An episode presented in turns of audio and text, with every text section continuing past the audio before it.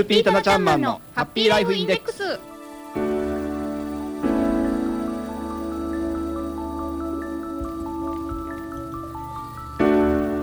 FP タナちゃんマンのハッピーライフインデックス」この時間はあなたの夢と未来をトータルサポートする。ライフサポート有限会社の提供でお送りします。私たちと一緒に明るい未来幸せな生活になるためのマネーライフを考えてみませんか？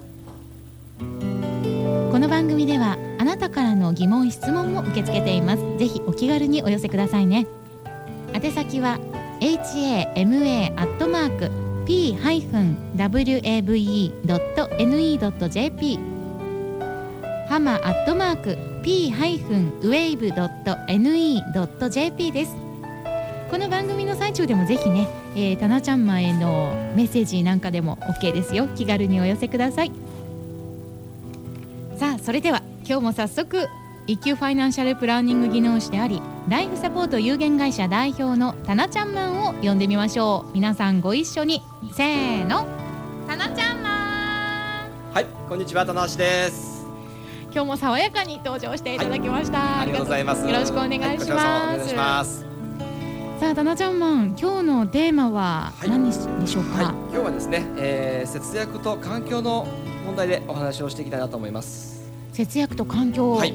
環境といえばねさっきラジオなんやかんやでも、ねはい、なんやかんやでも取り上げられておりましたけれども、えー、先週の土曜日夏至ですよね。6月21日から、はい、あ今年はですね、えー、7月の7日まで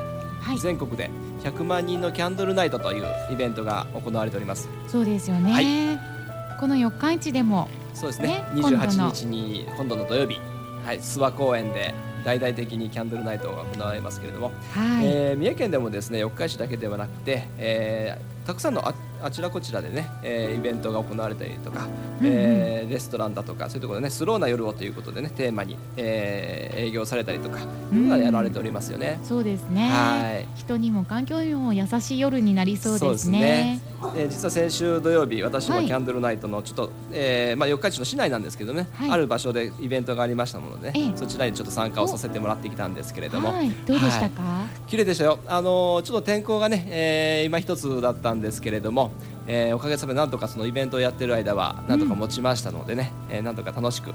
え過ごさせていただきました。四日市のその周辺のね日頃の皆さんの行いがいいのかもしれませんね,、はい、天気予報はがっつり雨でしたもんね。そうですね。はい。そうですか。そんな環境をやっぱり一緒にね考えていこうということで、はい、ハッピーライフインデックスでも環境と節約、はいそうですね、えー、はい、まず、えー、この100万人のキャンドルナイトどうして行われているのかということなんですけれどもね、はい、やはりその CO2 削減っていうのが大きなテーマになっております。はい、はい、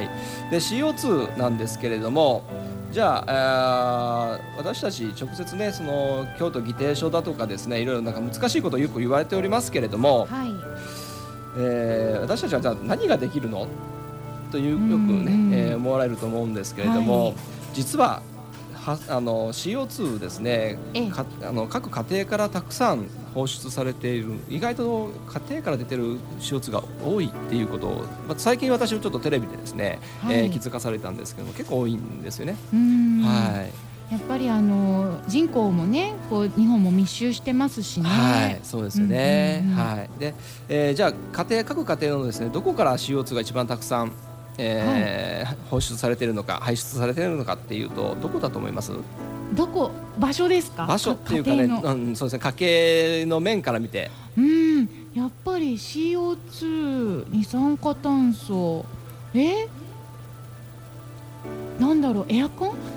そうですね、まあ、あの電化製品なんですね、はい、やはりそうなんですね、電化製品が一番たくさん放出をしております、であとまあガスだとかですね、はい、えー、あのまあ、電化製品、直接ですね電気をつけることによって、そのお家から直接 CO2 が出てるわけではないんですけれども、えー、電気をつければ当然消費電力ということで、えー、電力を発電しなくちゃいけない、はい、で発電所がそれだけ、まあ、火力発電所がまだやっぱり中心で電力を起こしておりますので、えー、火力発電所が作動する。そうすると CO2 が、えー、放出されるという形になるんですよね。はい、で以前にもですね、あのー、各家庭の、えー、白熱電球を蛍光灯の電球に変えるこことによって CO2 削減できますよ。って、はい、それによってそうですねそうですね電気代のお得にもなりますよというお話をさせていただきましたけれども。はいえー、例えばその60ワットの電球白熱電球、まあ、一般的な白熱電球ですよね、はい、これを1時間、えーまあ、つける時間を減らすだけでですね、はい、年間に放出される CO2 どれぐらい削減できるか。ご存知ですか？と言われるとちょっと見当があまりつかないですよね。ねたった1日1時間これをですね、はい、1年間続けるだけで CO2 は 268kg 減らすことができるんですよ。あそうなんですか、はい、一人一人というか一家庭がそうですね。各家庭、うん、たった電球1個1時間減らすだけで、はい、要は1年間ですから365時間ですね。減らすだけで、うんうん、268kg の CO2 を削減できる。これをですね電気代に置き換えると、はい、電球1個ですよ白熱60ワットの白熱電球たった1個これ1時間減らすだけでですね年間500円弱の電気代が節約に。なるんですね。あそうなんですね。1日に1時間っていうとこまめにこう消したりとか余分な時つけなければ普通にそうですね。そうですもうちょっと減らせそうですよね。ね結構あの節約になるのかなっていうイメージがつくと思うんですけれども、はい、じゃあどのように見直しをしていけば CO2 を減らしつつ家計に優しい、えー、電気のね節約につながるのかっていうことなんですけれども、はい、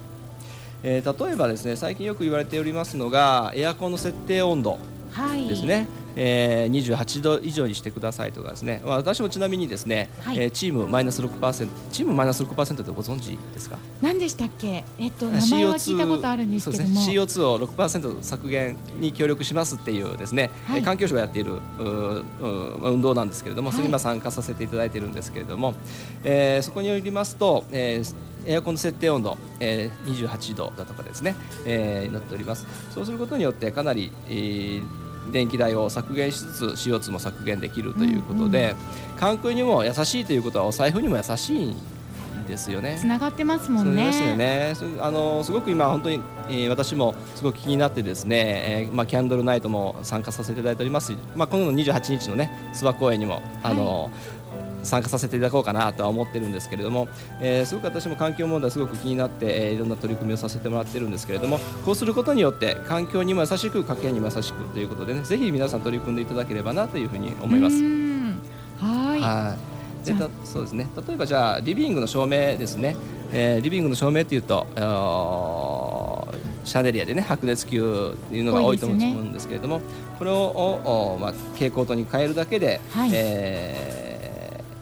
年間でね212キロぐらいの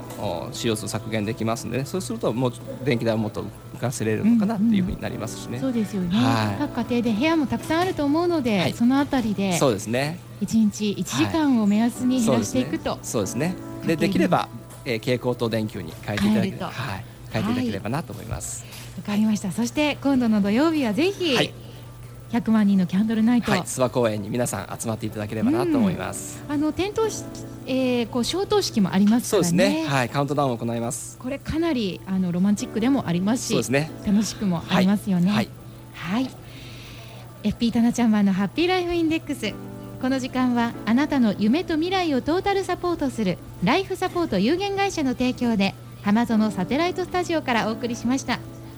さあぜひ100万人のキャンドルナイト午後7時から諏訪公園周辺で始まりますからこちらも参加してくださいね。かなちゃんマンも行くということです。はい、はい、今日もありがとうございます。では来週またこの時間お会いしましょう、はい、バイバイ。ありがとうございました。失礼いたします